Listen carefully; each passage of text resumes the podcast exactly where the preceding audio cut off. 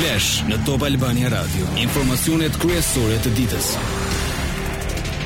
Përshëndetje, këto janë lajmet e orës 16. E para anije me mbi 6000 ton grurë nga Ukraina sot mbërriti në portin e Durrësit. Mjeti lundrues turk Jauha Ranim udhëtoi për 12 ditë drejt vendit tonë dhe ngarkesa është e destinuar për një kompani në Tiranë. Më 22 korrik Ukraina e Rusia arritën marrëveshje për eksportet e grurit me ndërmjetësimin e Turqisë e të Kombeve të Bashkuara. Para fillimit të luftës më 24 shkurt dhe sanksioneve ndaj Moskës, Shqipëria ka importuar mbi 40% të totalit të drithërave nga Rusia, ndërsa 4% nga Ukraina. Kjo sipas të dhënave zyrtare të Instat. Edhe vendi ynë po vuan pasojat e agresionit rus, me çmimet që janë rritur ndjeshëm duke nxitur protesta. Energjia dhe lëndët ushqimore bazë në fokus të një takimi që kryeministri Rama zhvilloi sot me presidentin turk Erdogan. Në një postim në rrjetet sociale, shefi i qeverisë e përshkroi takimin si vëllazëror e foli për projekte konkrete në përballimin e dy sfidave të mëdha të kohës, garantimi i energjisë dhe lëndëve ushqimore bazë.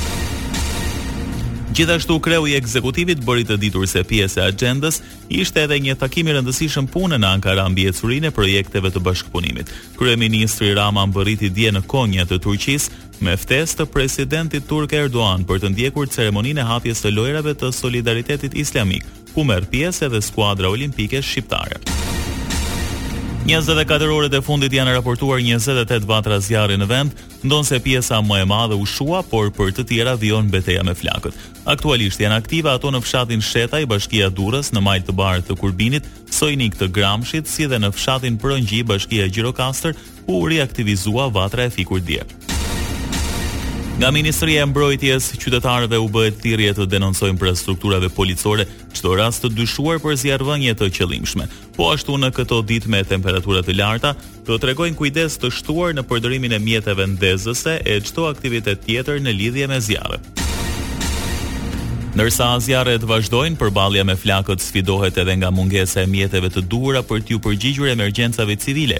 Një shkrim i Radios Evropa e Lirë kushtuar problematikës sjell në vëmendje deklaratën e kryeministrit Rama pas tërmetit të 26 nëntorit ku u zotua se do të ketë investime për emergjencat civile.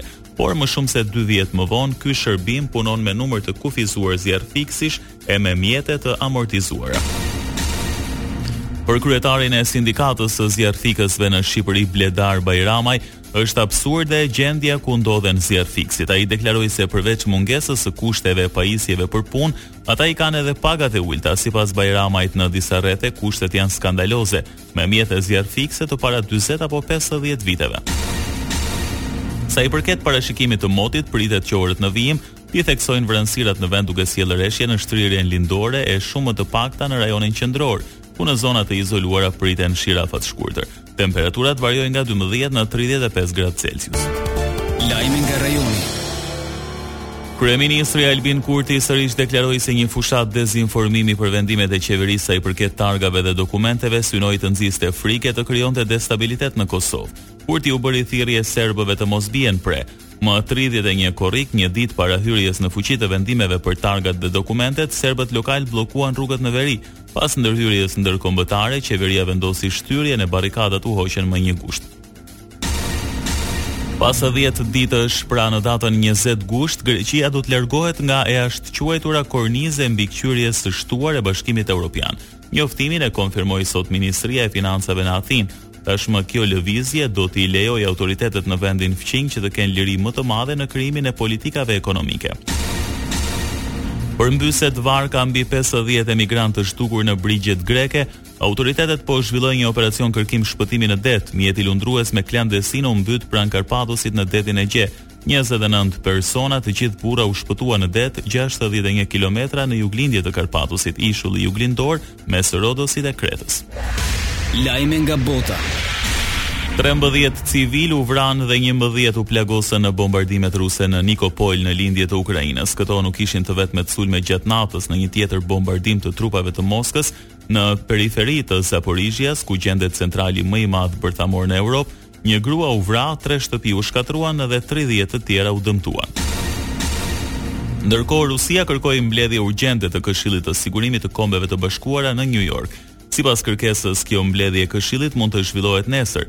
Kremlini akuzon Kievin se qëndron pas sulmeve në Zaporizhia e kërkon që të diskutohet mbi pasojat katastrofike të tyre, Në anën tjetër, Ukraina akuzon Rusinë si fajtore. Në një tjetër zhvillim vazhdojnë spekulimet lidhur me shkakun e shpërthimeve të mëdha në aeroportin rus në Krime, ndërsa njoftimet e fundit sugjerojnë se trupat e Moskës janë përqendruar në rajonin jugor. Ukrainasit raportojnë për përparime të vogla rreth Harkivit në verilindje. Policia franceze sot qëlloi për vdekje një burrë të armatosur me thikë i cili po kërcënonte punonjësit e sigurisë në aeroportin Charles de Gaulle të Parisit. Për agresorin thuhet se ishte i pastrehë dhe kërcënonte stafin e sigurisë së aeroportit dhe policinë, por nuk jepen detaje të tjera të paktën për momentin. Sipas dëshmitarëve në vendngjarje, viktima u vendos në barelë dhe u evakua në një zonë të ndaluar për pasagjerët në aeroportin e Parisit. Policia franceze bën të ditur se deri tani nuk ka asnjë të dhënë se sulmi kishte të bënte me terrorizmin, çështje e nxehtë që në të kaluarën Franca e vuajti kur u godit nga sulme tragjike. Ndërkohë, vazhdojnë hetimet për ngjarjen. Kolegët republikanë dolën në mbrojtje ish presidentit Trump duke kërkuar shpjegime për kontrollin e FBI-s në shtëpinë e tij në Florida. Agjentët kërkuan dokumente të klasifikuara që Trump i mori nga Shtëpia e Bardhë në fund të mandatit presidencial, Kevin McCarthy u zotua të hapë hetim nëse në fillim të vitit të ardhshëm republikanët marrin kontrollin e Dhomës së Përfaqësuesve. Ndoqët një përmbledhje kryesore të lajmeve të ditës, unë jam Edi Hallaçi. Kjo është Top Albania Radio.